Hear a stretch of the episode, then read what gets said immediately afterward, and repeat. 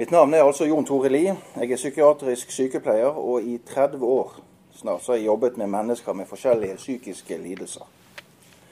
For tiden så er jeg på noe som heter Øyane distriktspsykiatriske senter ute på Straume på Sotra. Der jeg er nattevakt. Og Jeg tilhører altså Delk Bergen menighet, hvor jeg nå har sittet i Eldsterådet i snart åtte år. For tid tilbake så var jeg aktiv i Ungdom i oppdrag, og jeg var dessuten sterkt tiltrukket og gikk på mange møter fra den bølgen som het Toronto-bølgen, og som gikk egentlig over hele den kristne verden fra midten av 90-tallet. Hele familien vår, Kjersti og Maren og Peter, hørte til Bergen frikirke den gangen. Da jeg tok farvel med disse bølgene, og også menighetene, så var det mye skuffelse og, som lå bak. Og egentlig så var vi ganske langt nede, alle i hele familien. Og det ble en slags tid for å gjøre opp status. Hvordan sto det til med troen nå? Og som et bønnesvar så fant vi altså et nytt åndelig hjem. I årene som har fulgt etter dette, så har spørsmål som kretser rundt tro og tvil, psykologi og psykiatri, og skjæringspunktene mellom disse interessert meg. I ti år så var jeg med i en stiftelse, stiftelse som het Liv i frihet. Den var startet og drevet av et eks-Jehovas vitne. Han het Josef Wilting, og han var et Jehovas vitne i mer enn 40 år. Og Stiftelsen den var en utstrakt hånd til avhoppere og utstøtte fra vakttårnselskapet. Josef døde i 2002, og da ble stiftelsen egentlig nedlagt. Han var åpen på at hans vei tilbake til det normale liv den hadde gått via både psykiatriske avdelinger og selvmordsforsøk. Han ble etter hvert pinsevenn, en sammenheng som han senere forlot. Men Vilting anbefalte avhoppere å oppsøke karismatiske sammenhenger der de ikke skulle være bundet av det åndelige fengsel som de hadde opplevd vakttårnet var. Men etter en tid så kom mennesker tilbake fra disse sammenhengene og sa her er mer manipulering og kontroll der enn vi hadde i vakttårnselskapet. Og Dermed så ble det fokuset vi hadde i stiftelsen, dreid mer imot moderne bølger og hjelp til avhoppere derifra. Og Vi snakker altså om 90-tallet. Og dette var jo trosbevegelsens tidsalder. Store menigheter med spreke predikanter, kraftfull lovsang og en ny lære dukket opp nesten overalt. Og mange tradisjonelle menigheter, i alle fall pinsemenigheter, sto tomme eller halverte tilbake. Og det var debatt den gangen om trosbevegelsens lære. Det var debatt i aviser og tidsskrifter. Flere kritiske bøker kom, osv. I dag har denne debatten liksom stilnet. Helt frem til dokumentaren som Ruth Gjevert laget på VGTV, sånn som Jan nevnte. Og I den debatten som har pågått etter at Ruth Gjevert laget serien 'Frelst' om sin tid i Jesus Revolution, og sønnen til Jan Åge Torp sto frem, så har mange andre også stått frem og fortalt sine historier. Mange gjennom arbeidet til denne organisasjonen som heter Hjelpekilden. Den favner liksom avhoppere fra mange sekteriske sammenhenger. Og det handler om tro, og manipulering Nei, det handler om manipulering av tro og følelsesliv. Men jeg må si at inntil nå så har jeg savnet noe mer dybde i denne debatten. Svar fra ledere i forskjellige anklagede sammenhenger tyder på at man ikke er så veldig villig til å gå i dybden i problemstillingen. Fokus har stort sett dreid seg om hvor mye krefter man skal legge ned i et arbeid. Skal vi gi mye eller lite gass, som en pastor sa? Eller akkurat passe. Og det er nok en del av problemet. Forholdet mellom aktivitet og hvile. Fritid, søvn osv. Mennesket trenger hvile og avkobling. Det er jo ingenting ukristelig i det. Men jeg tror at problemet som vi har sett som har kommet til overflaten nå, ligger på et mye dypere og mer grunnleggende plan. Ellers kunne man jo bare senke tempoet, og så var alt greit. Flere ledere fra karismatiske sammenhenger har innrømmet overtramp, og til og med betalt erstatning til tidligere medlemmer. Dagen skrev om det bl.a. i november i fjor. To tidligere medarbeidere i Ungdom i oppdrag fikk en symbolsk sum utbetalt etter samtale med ledere. Slik står det respekt av, syns jeg. Forhåpentligvis er det tegn på at man vil se mer kritisk på egen virksomhet fremover.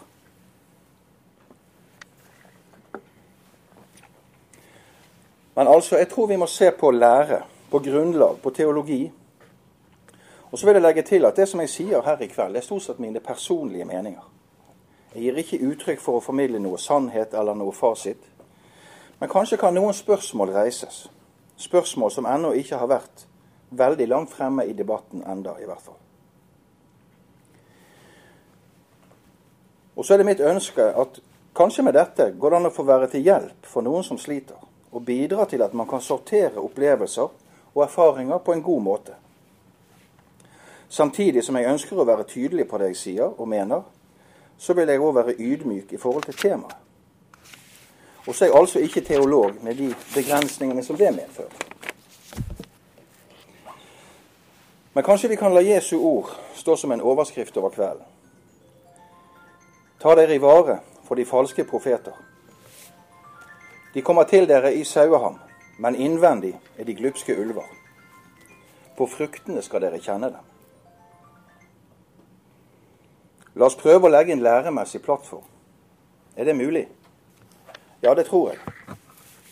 Gjennom de siste 10-30 år har vi sett at bølger av tegn- og underbevegelser har kommet til Norge, hovedsakelig fra USA. Det er forskjellige ledere som kan nevnes, og som har kommet bl.a. til menigheter i Bergen. Men i bunn og grunn så er de ganske så like, disse ledere, i det de forkynner. Det meste dreier seg om tegn og under, eller det som man gjerne kaller en karismatisk forståelse av kristentroen. Men muligens er begrepet karismatisk ikke så dekkende begrep lenger. Med karismatikken så har man jo tenkt på en slags avgrensing imot andre sammenhenger. Denne moderne tegn- og underbølge ser ikke ut til å kjenne noen grenser. Et slags åndelig slagord i dag er nemlig ikke om du er karismatiker eller lutheraner, baptist eller metodist, men om du er åpen for det som Gud gjør i dag. Mennesker påvirkes av forkynnelsen. De reiser til særlig salvede steder og pastorer. De får såkalte profetier over seg, leser bøker og tar med seg tankegods og lære til sin egen sammenheng. Som kanskje ikke engang ser på seg selv som en karismatisk sammenheng. Det kan godt være en luthersk sammenheng. Og det er ett navn og en type lære som ikke vi kommer utenom, og det er Kenneth Hagen. En amerikansk forkynner og pastor som døde i 2003. Hans lære og hans litteratur er spredt i et kolossalt omfang. Det er sagt at 53 millioner bøker av ham er solgt på nesten alle verdens språk. I Norge finnes det ca. 50 bøker og hefter som er oversatt, og solgt hovedsakelig gjennom Agape forlag. Heigen ble kalt trosbevegelsens far, og det var med rette. Og andre som har kommet etter ham, Kenneth Copeland, Benny Hinn, Rodney Howard Brown, Reinhard Bonke, Bill Johnson, Todd Bentley osv.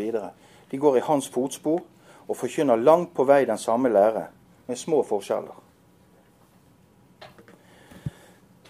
Hva er det som så er så spesielt med Kenneth Heigen, og hvorfor har dette noe med vårt tema å gjøre? Jo, Heigen hadde en kristendomsforståelse som setter mennesket i sentrum. Ikke kors, ikke Kristus. Dette som er menneskets håp, men mennesket selv. Og dermed blir fokus for troen rettet innover i mennesket istedenfor oppover og bort fra en selv. For å forstå hvordan denne læren kunne bli til, må vi lese en side fra Heigens bok, som heter 'Åtte syner av Jesus'. Og Jeg må si jeg ble noe overrasket da jeg tok kontakt med Agape forlag, og så at denne boken fortsatt og stadig kommer i nye opplag. Heigens lære lever altså i beste, eller skal vi si verste velgående. Og kristne mennesker forgiftes stadig av hans ideer, som jeg ikke betenker meg på å kalle en åndelig gift. Og I Norge vet vi at særlig Åge Åleskjær er den som har promotert Heigens bøker. Men også Arild Edvardsen for mange år tilbake var, var aktiv på, på den måten. Og det fortelles at bøkene stadig selges i mange, særlig menighetsbokhandlere. Og Vi skal se litt på hva Kenneth Heigen sier i denne boken sin. Det er en liten og ganske unnselig bok, men den har en lære som langt går utenfor det som er Bibelens ord og Bibelens lære. Og Bibelens Jesus. Og hos de som har skrevet og kritisert trosbevegelsen og Kenneth Heigen gjennom mange år, så har denne boken egentlig sjelden blitt nevnt. Og Det syns jeg er litt rart og litt synd, for den, eh, den, forteller på en veldig grunnleggende måte hvordan Kenneth Heigen tenkte, og hva han lærte. Og Så kan jeg jo nevne da at det første opplaget av denne boken kom i 1978. Og Så gikk det jevnt og trutt, og det siste opplaget kom i 2014. Og Kort fortalt så beskriver denne boken her åtte syner av Jesus. På engelsk heter han 'I Believe in Visions'. Men Kenneth Heigen hevder i denne boken at han har fått besøk av Jesus åtte ganger. Og at han har snakket med Jesus, og at Jesus har fortalt ham dype hemmeligheter. Delvis er det visjoner, og delvis er det som at to mennesker snakker sammen. Og Ut ifra dette så formulerer da Kenneth Heigen sine læresetninger, som han utdyper da i masse bøker etter hvert. Og en side fra denne boken skal vi lese. Og Der står altså Jesus liksom der, og Kenneth Heigen står sånn, og så snakker de sammen. Og Så sier Kenneth Heigen Mens Jesus talte til meg, sprang en ond ånd opp mellom meg og Jesus og spredte noe som lignet en sky eller et røkteppe. Jeg kunne ikke se Jesus lenger. Så begynte demonen å hoppe opp og ned og vifte med armer og bein, og med skrikende stemme ropte han, jakket i jakk, jakk, jakk. Et øyeblikk nølte jeg. Jeg kunne høre Jesus stemme da han fortsatte å tale til meg, men jeg forsto ikke hva han sa. Jeg hørte stemmen, men kunne ikke skille ut ordene.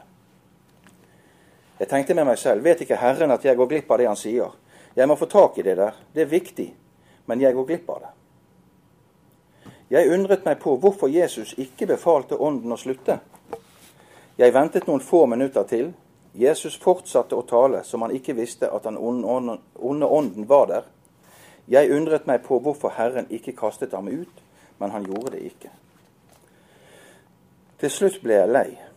Jeg rettet fingeren mot den onde ånden og sa, Jeg befaler deg i Jesu navn å tie. Han stoppet med en gang og falt i gulvet. Det svarte røkteppet forsvant, og jeg kunne se Jesus igjen. Den onde ånden lå på gulvet og klynket som en valp som var blitt slått. Jeg sa, ikke bare må du tie stille, men du må komme deg opp og forsvinne herifra. Han kom seg opp og sprang sin vei. Jeg undret meg fremdeles over hvorfor Jesus ikke hadde stoppet denne onde ånden når han forstyrret slik som han gjorde, og Jesus visste selvfølgelig hva jeg tenkte. Han sa, hvis ikke du hadde gjort noe med det der, der hadde ikke jeg kunnet det, sa Jesus. Herre, sier Heigen, nå vet jeg at jeg misforsto deg. Du sa at du ikke hadde kunnet gjøre noe med det. Men det du egentlig mente, var at du hadde ikke villet. Nei, sa Jesus, hadde ikke du gjort noe med den ånden, hadde ikke jeg kunnet gjøre noe. Men Herre, du kan gjøre alt. Å si at du ikke hadde kunnet, er forskjellig fra det jeg alltid har hørt forkynt, og det jeg selv alltid har forkynt. Det snur rett og slett opp ned på min teologi. Og så svarer Jesus til slutt. Av og til trenger din teologi å bli snudd opp ned. Sitat slutt. Det Heigen altså beskriver her, det er en Jesus som forteller ham at han er blitt hjelpeløs. Jesus kan ikke gripe inn mot demonen, men Heigen kan. Og ut ifra denne episoden og flere andre så lærer Kenneth Heigen om den troendes autoritet. Egentlig så er dette ursynden som slangen frister Eva med. Du kan bli som Gud. Men Heigen sier altså dette. Den kristne er som Gud. I dåpsbefalingen sier Jesus, 'Jeg har fått all makt i himmel og på jord'. Og se, jeg er med dere alle dager inntil verdens ende. Dette er et viktig skriftsted. Det gir trøst, det gir fred og glede. For den som tror, han kan stole på Jesus. Jesus er hos oss. Han kjenner oss, og han har makt til å gripe inn. Men han gjør det etter sin vilje, til sin tid og på sin måte. Men Heigens lære forteller altså mennesket noe annet. Og så hevder han altså at Jesus selv har fortalt om dette. Jesus har gitt Heigen info i strid med sitt eget ord. Og denne lære om den troendes autoritet, hva er så det? Jo, det er en oppskrift, en formel og en magisk metode. Der Jesu navnet er det viktigste. Og Heigen utdyper dette i mange av hans bøker. Og siden Jesus altså, ifølge Heigen, nå ikke lenger har makt på jorden, så må den troende selv utøve denne makt. Og det gjør han ved å proklamere i tro det han ønsker seg, og det han trenger. Enten det er vekkelse, helbredelse, økonomisk velstand eller andre ting. Det er, det er en du er din egen lykkes smed, kristendom. Og dersom det ikke skjer det du ønsker eller krever, så er det noe feil med deg, dvs. Si med din tro. Heigen hevder at det oppdraget han fikk av Gud, det ble 'lær mitt folk tro'. Og Derav kom jo begrepene som trosbevegelse, trosforkynnelse osv. Det er nå menneskets tro som sitter i førersetet. Og den troende utøver en åndelig lov der ting må skje. Troen anses som en indre kraft som man mobiliserer. Og med dette så ser vi det som vi må kunne kalle for et paradigmeskifte. Begrepet tro har nå fått en helt ny betydning. Og mennesket, det blir sågar en skaper. Jan Hanevolds serie på Visjon Norge heter også 'Skapende tro'. Mennesket har tatt Jesu plass og skaper nå med sin tro de ordene han uttaler. Du skal ikke lenger be 'la din vilje skje'. I stedet skal du takke Gud for at det allerede har skjedd. Er du syk, så takk Gud for at han har helbredet deg. Er du blakk, så takk for pengegaven som er på vei, osv. Og, og vi skjønner at dette er en åndelig og sjelelig fare for alle som måtte tro et slikt budskap.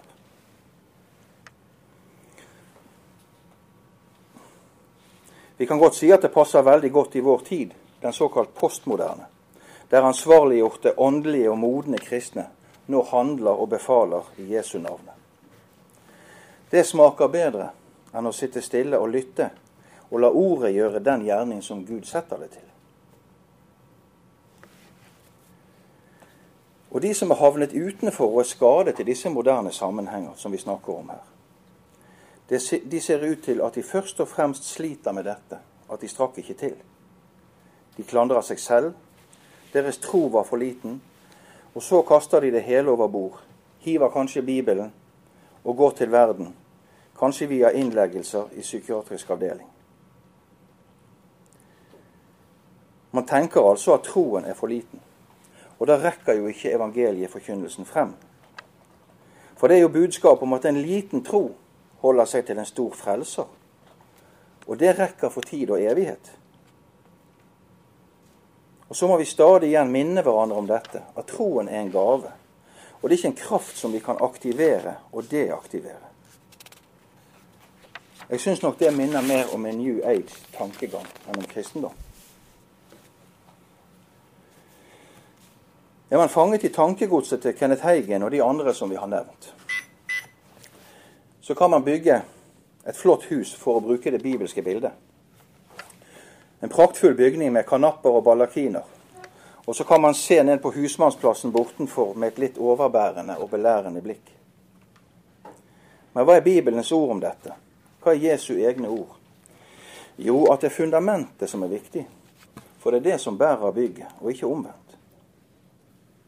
Og mange trosbygg har rast sammen da det kom en storm i livet for det var bygget på sandgrunn, om dere er med i bildet.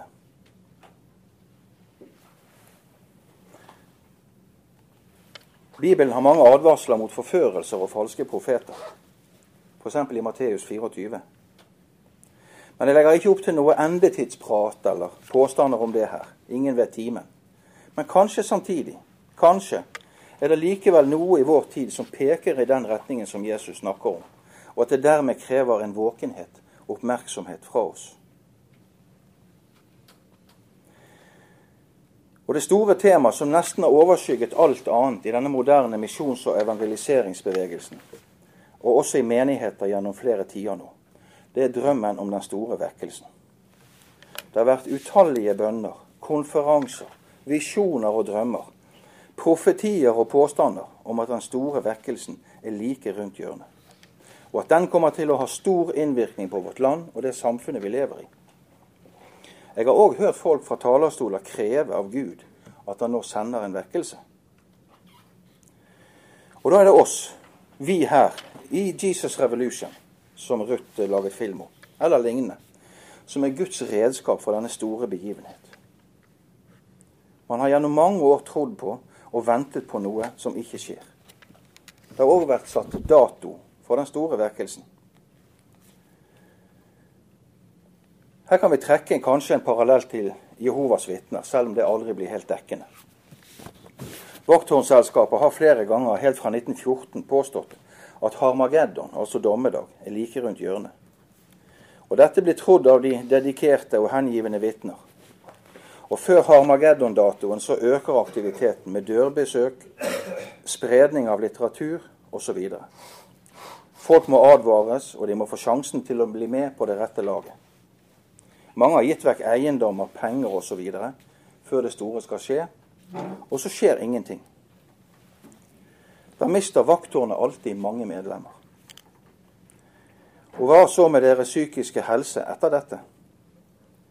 Mismot og depresjoner følger helt naturlig. Ikke minst fordi at vakttårnselskapet er spesialister på å rette anklagene mot vitnene selv for hvorfor det ikke skjedde. Slik er også saken med mange av de som har stått i vekkelsesbevegelser. Gjevert beskriver jo dette i programmene sine. Hennes engasjement var knyttet til dette at vekkelsen kommer, og de, altså Jesus Revolution, var sentrale. Da må vi stå på, og vi må jobbe alt vi kan, for nå er det like før det braker løs. Men ingenting skjer. Og underveis hører man og ser kanskje ting man reagerer på. Profetier som ikke oppfylles, såkalte kunnskapsord som ikke stemmer, osv., osv. Og da skjer det noe viktig med mennesket. Nemlig at den kritiske sansen dukker frem og sier her er noe som ikke stemmer. Og hva gjør man med det? Jo, mennesker snakker om det. Mennesker har behov for å dele sine tanker rundt sånne alvorlige og dype spørsmål med venner og familie. Og kanskje de nærmeste er en leder som man har tillit til, eller andre i en menighet eller organisasjon. Og Så blir det avgjørende hvilken respons man får på sine kritiske tanker. Og her er avdekket mye manipulering, maktmisbruk og regelrette overtramp. Man kan plutselig bli en utstøtt i egen sammenheng. Som en spedalsk som ikke kan komme tett inn på andre. Baksnakking kan begynne, og begrep som åndelig umoden, kritikerdemoner osv. kan høres. Og også særlig dette at du er en særlig negativ person. Blir man lenge i et slikt system, så kan man ta alvorlig skade av det. For når den kritiske sansen dukker frem, ja, for den er vel også gitt oss av Gud, når den våkner, så gir den seg ikke så lett. Den krever oppmerksomhet, og den krever svar. Og det farligste ser det ut for, det er når mennesker aksepterer påstanden om at de er særlig negative, ikke har forstand på det Gud gjør, og er ulydige mot det lederskapet som Gud har innsatt. Og Jeg har hørt stygge beretninger fra mennesker som har gjennomgått invaderende forbønn med rop og skrik for å få drevet bort kritiske tanker og kritikerdemoner. Og Dette må man være særlig oppmerksom på når man står mange mennesker rundt en person legger hendene på vedkommende og ber, høylytt, kanskje også i tunger. For den som sitter der, kan det i ettertid bli en stor byrde. Det kan oppleves som en invasjon, selv om man etter seansen gjerne sier takk for forbønn. Og Når man nå snakker ivrig om den store vekkelse, så kommer sågar begrepet endetidsvekkelsen opp. Det er ideen om at Gud sender en stor vekkelse som leder frem til Jesu komme. Og tanken er at jorden skal være som en pyntet brud, full av frelste mennesker som tar imot Jesus. Ifølge Bill Johnson og hans, en av de siste bøkene hans, 'Himmelen invaderer jorden', så skal én milliard mennesker være klar når Jesus kommer. Jeg syns det peker i en litt annen retning enn det Jesus sier når han spør i Lukas 18. Når menneskesønnen kommer, mon tror man da finner troen på jorden? Og de selvutnevnte apostlene som man finner i det som heter NAR, National Apostolic Reformation, det er de som skal lede troppene inn i kampene på dette åndelige området frem imot Jesu komme. Det er dette som kalles dominion theology, eller herredømmeteologi. Der kristne skal kartlegge de åndelige aktiviteter i et geografisk område, drive dem bort og komme med Guds ånd i stedet.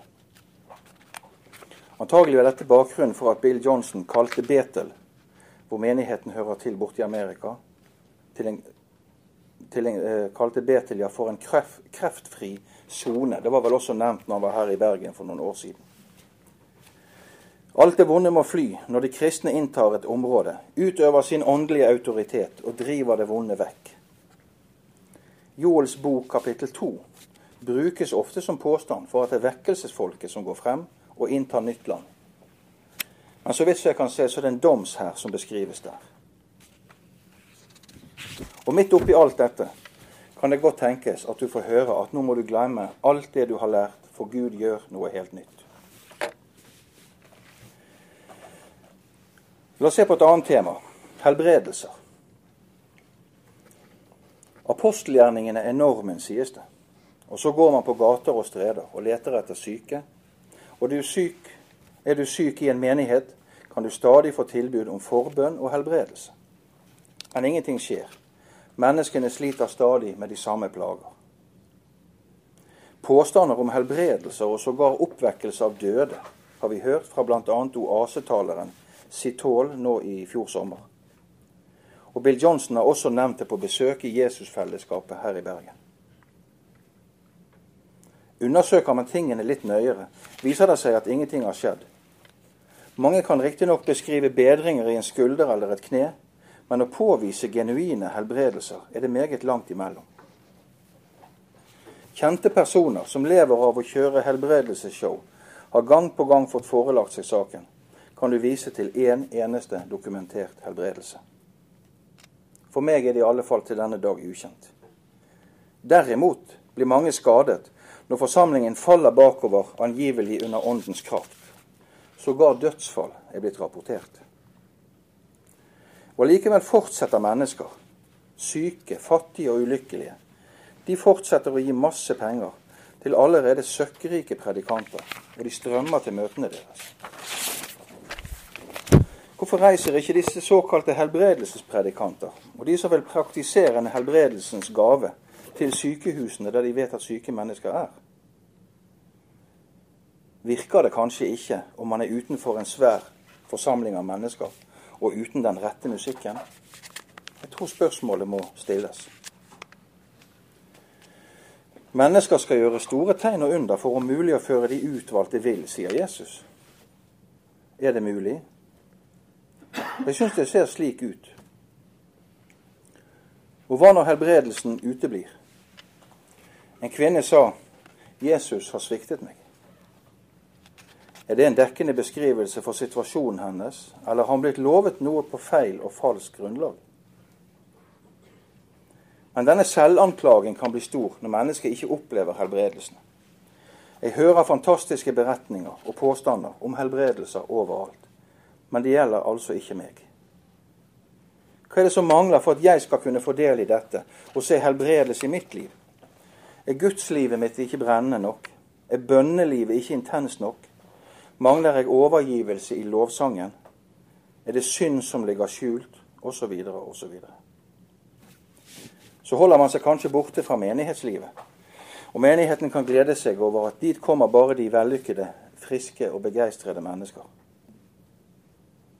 Så kommer dette spørsmålet alltid opp, og det rettes gjerne som en anklage mot oss som ser kritisk på dette helbredelseskjøret. Helbreder ikke Gud mennesker i dag? Jo, det tror jeg han gjør. Etter sin vilje, til sin tid. Og alle kristne jeg kjenner, de tror dette. Men i sammenhenger der det hevdes at mennesker helbredes i stort tall og kontinuerlig, så mangler det nesten alltid troverdig dokumentasjon på dette. Og påstanden om at helbredelsen er avhengig av vår tro, den må vi avvise. Mike Bickel, som er en av de sentrale lederne i den såkalte apostelbevegelsen, sier miraklene fra apostelgjerningen og Mosebøkene vil bli multiplisert, altså mange ganger flere og større, når vi nå nærmer oss endens tid. Og det vil bli spredd utover hele verden. Et underlig skriftbelegg han har for dette, nemlig Mika 7,15. Der står det:" Jeg vil vise ham underverk, som den gang jeg dro ut fra Egypt. Og Rick Joyner, en av de andre store apostler, såkalt, følger opp med denne. Delingen av Rødehavet vil bli som en parentes i historien, når vi får se hva endetidens trofaste tjenere for Gud vil gjøre. Og så ser det ut til at det er blitt en ganske så aldeles normal kristen aktivitet dette å høre Guds stemme. Det vil si det man tror er Guds stemme. Hvordan den arter seg, vet ingen. Jeg har i hvert fall ikke sett noe troverdig veiledning om dette fra noen. Derimot så florerer det med påstander om hvordan Guds stemme er, og ikke minst hva Gud sier. Og Da må vi ty litt til teknikken her. Så får vi se hvordan det vikler seg ut.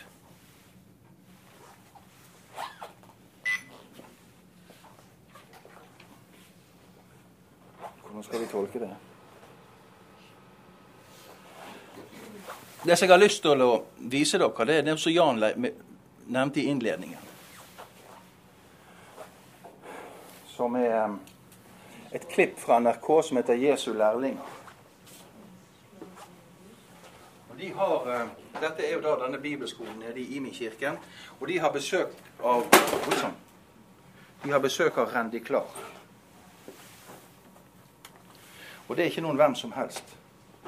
Det var han som fikk æren av å starte det som senere ble kalt Toronto-bølgen, eller bevegelsen, i januar 94. Så når han kommer, så vær sikker på én ting, og det er at de som sitter i salen, de lytter. Og Jeg har lyst til at vi skal speile bare et lite klipp for å illustrere noe som jeg syns er viktig.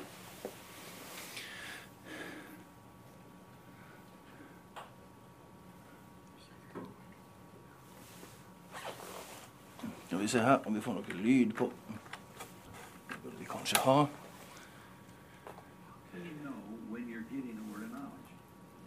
Would you say this with me? You can feel it. Og så Randy Clark spør hvordan kan dere vite når dere får et ord fra Gud. Og så kommer det en oppramsing her. Think it, see it, read it, say it, experience it, dream it. This is a time to give a word of knowledge for a physical condition. God revealed what He wants to do through these words. He wants to heal these things. Close your eyes.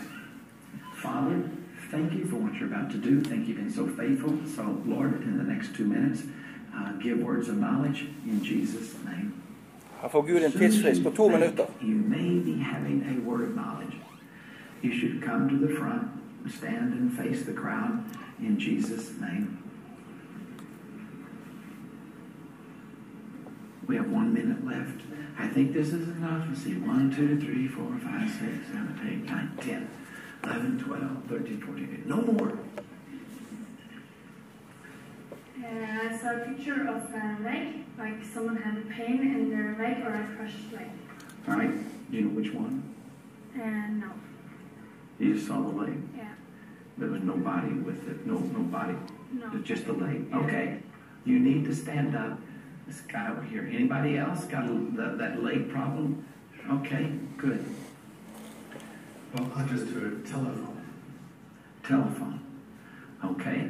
Does that make sense to anybody? Because I've found that if you try to interpret, you can mess up. Okay, it does to her. All right, good. Chainsaw? Chainsaw. All right, does that make sense to anybody? Okay, and there's one back there and one here. Så langt uh, Randy Clark. Um, Og så Spørsmålet fra Randy Clark er jo da, eh, som dere så, hvordan kan du vite om Gud taler til deg? Og så ramser han altså opp menneskelige egenskaper, menneskelige sanser, som Hva sa han? Du kan tenke det, du kan føle det, du kan se det, du kan drømme det, osv., osv. Så hvilken type veiledning er det egentlig disse ungdommene får? Påstanden om at vi kan høre fra Gud, den roper jo etter en helt annen forklaring. Nemlig hvordan vi kan skille tanker, følelser osv. fra Guds stemme. Om han skulle tale til oss. Og Når en person sånn som vi ser her tenker på en telefon, så kan det være 100 muligheter for hvorfor hun gjør det. Kanskje skulle hun ringt til noen. Kanskje trenger hun en ny telefon. Kanskje skulle hun sjekket Facebook der hun satt osv. Men så blir altså dette løftet frem som et ord ifra Gud.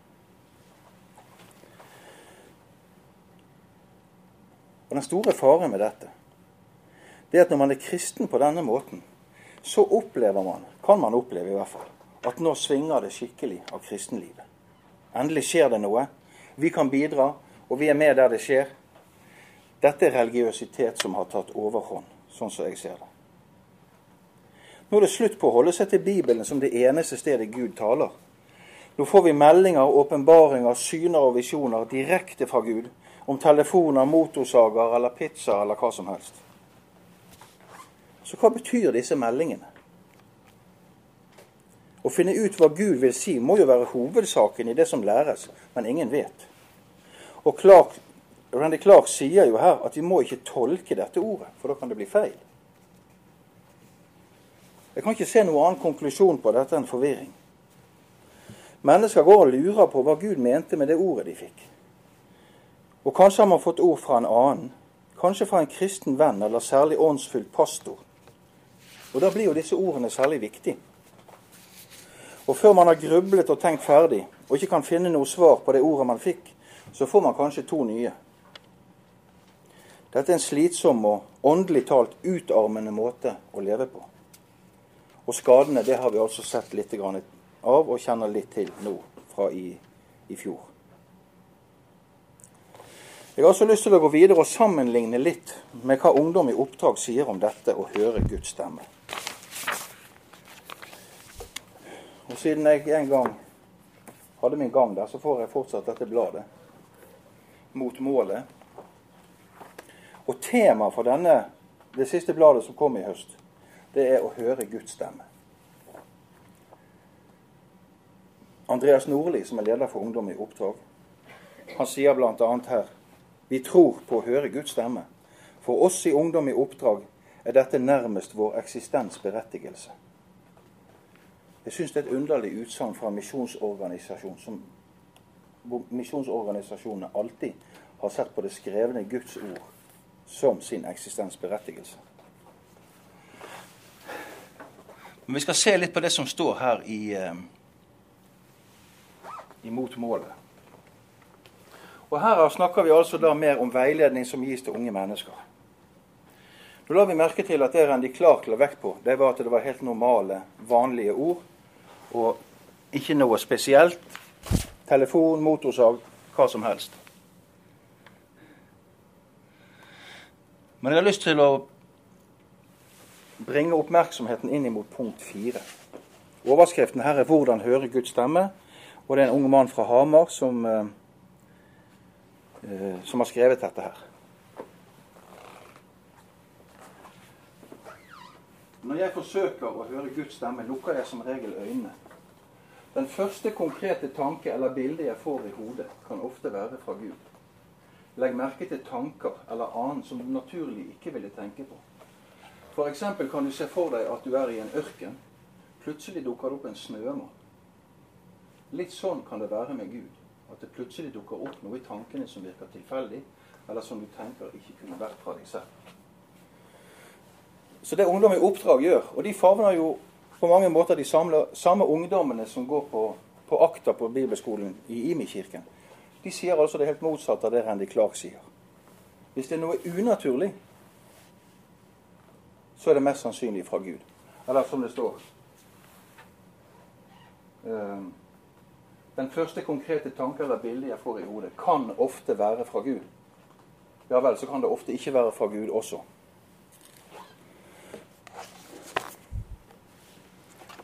Um,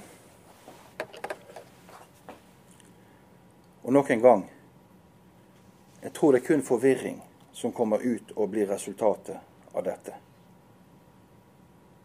De ungdommene som var på bibelskolen til Akta, de kan godt tenkes at de går en DTS, en såkalt disippeltreningsskole hos ungdom i oppdrag, kanskje året før eller året etter. Og så får de høre akkurat disse motsatte tingene, og så er det ingenting som gir mening. For her har jo man å gjøre med dype trosspørsmål som kan få store konsekvenser for menneskers valg i livet. Enten det er utdanning, valg av ektefelle, menighet eller lignende. Og så er det dette den veiledningen man gir. Jeg syns det gir mer inntrykk av å være en selskapslek enn et forhold til en hellig og nådig Gud. Fiskepuddinger på månen eller sjiraffer på Torvannmenningen. Hvis ikke man har en nøkkel til hvordan ting skal forstås, så er min anbefaling at man legger vekk hele temaet og holder seg til Bibelen. Der vet vi at Gud taler til oss.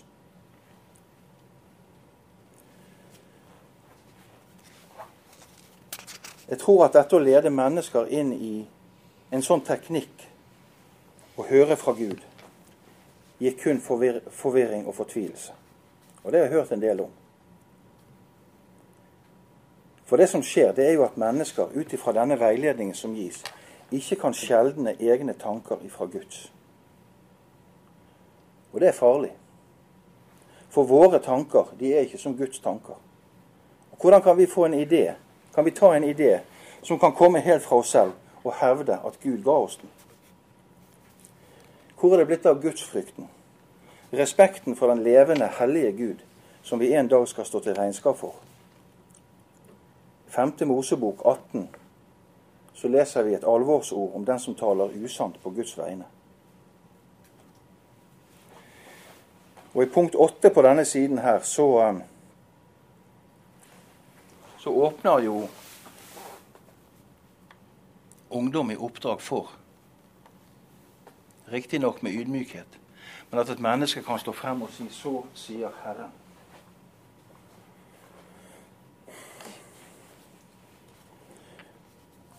Og jeg syns det er trist og skremmende at ungdom i oppdrag har innpass så mange steder. Og at de har en så lettvint omgang med Guds ord, og at de favner over så mange, særlig unge mennesker. Jeg tror at begrepet 'sola scriptura' det skal vi frimodig løfte frem i dette jubileumsåret.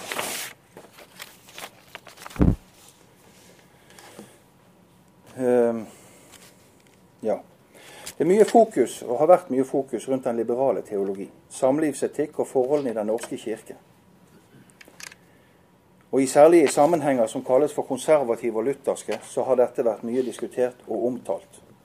Og det er rett, og det er bra at det er sånn. For den liberale teologi er jo et opprør mot hele skaperordningen og den gode ordning samfunn, for samfunnet som Gud har gitt oss i familien. Men den liberale teologi den kommer jo ikke skjult til oss. Den kommer ganske så åpenlyst og uten å skjule sine intensjoner.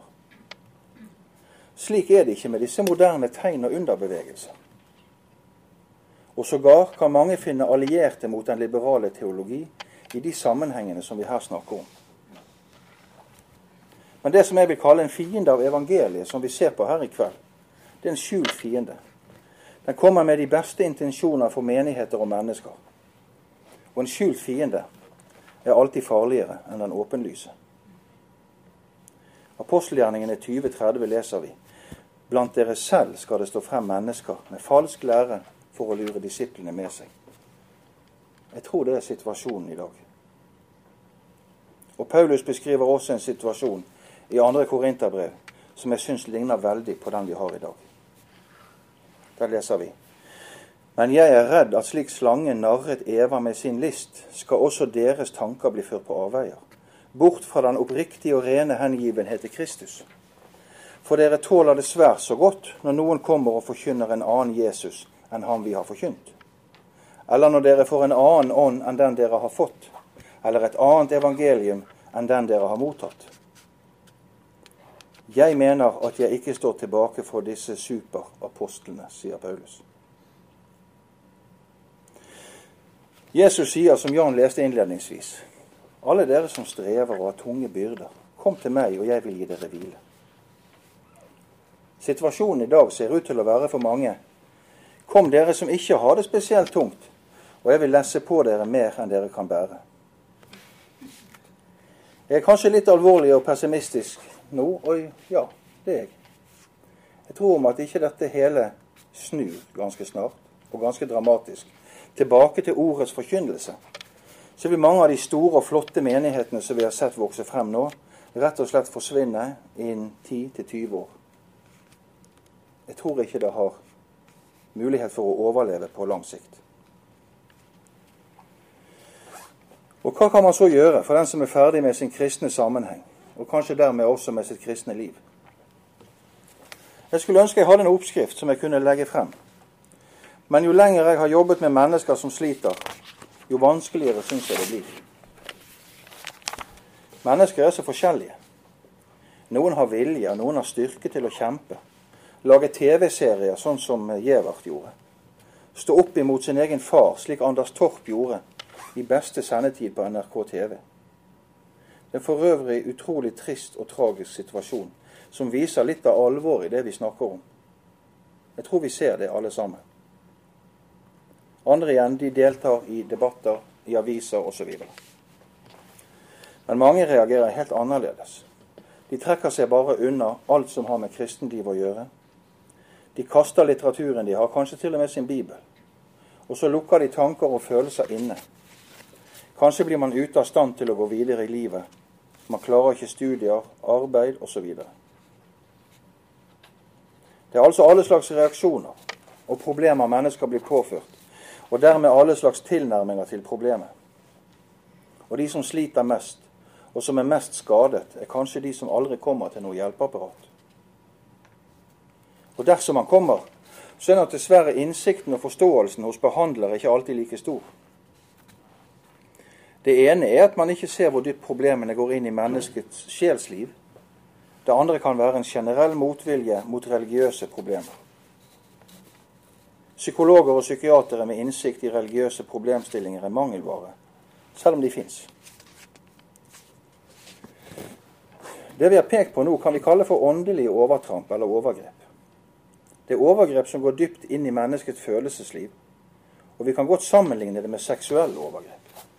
Det hører jo vi mye om, og vi, vi blir kvalm når vi hører hva mennesker kan finne på å gjøre mot barn, eller voksne for den del. Det handler om å invaderes og presses og manipuleres, og at mennesker tråkker over de grensene som vi alle har.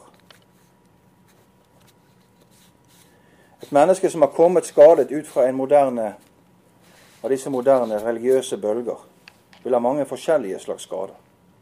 Gudslivet vil nesten selvsagt være skadet. Det kan være vansker med å stole på andre mennesker, søvnproblemer, angst, depresjoner.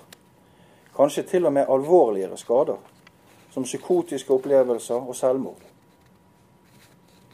I kontakt med det tradisjonelle psykiatriske hjelpeapparatet vil man bli tilbudt medikamentbehandling og samtale, antidepressiva og sovemedisiner. Og det kan være godt nok, i alle fall for en periode.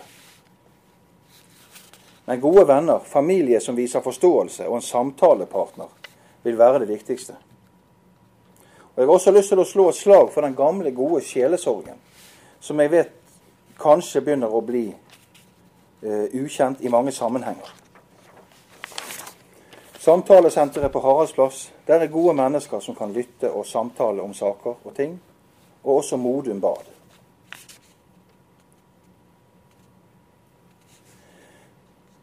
Og så som en avslutning. Når man leser moderne kristen litteratur og hører taler, så leter man ofte lenge før man finner evangeliet utlagt. Ofte leter man helt forgjeves. For det som bærer et menneske gjennom livet, og er den mat vi er avhengig av, det er forkynnelsen av det enkle og det rene evangeliet om Jesus. Om igjen og om igjen. For kun der er det hvile, fred og håp for dette livet og for evigheten.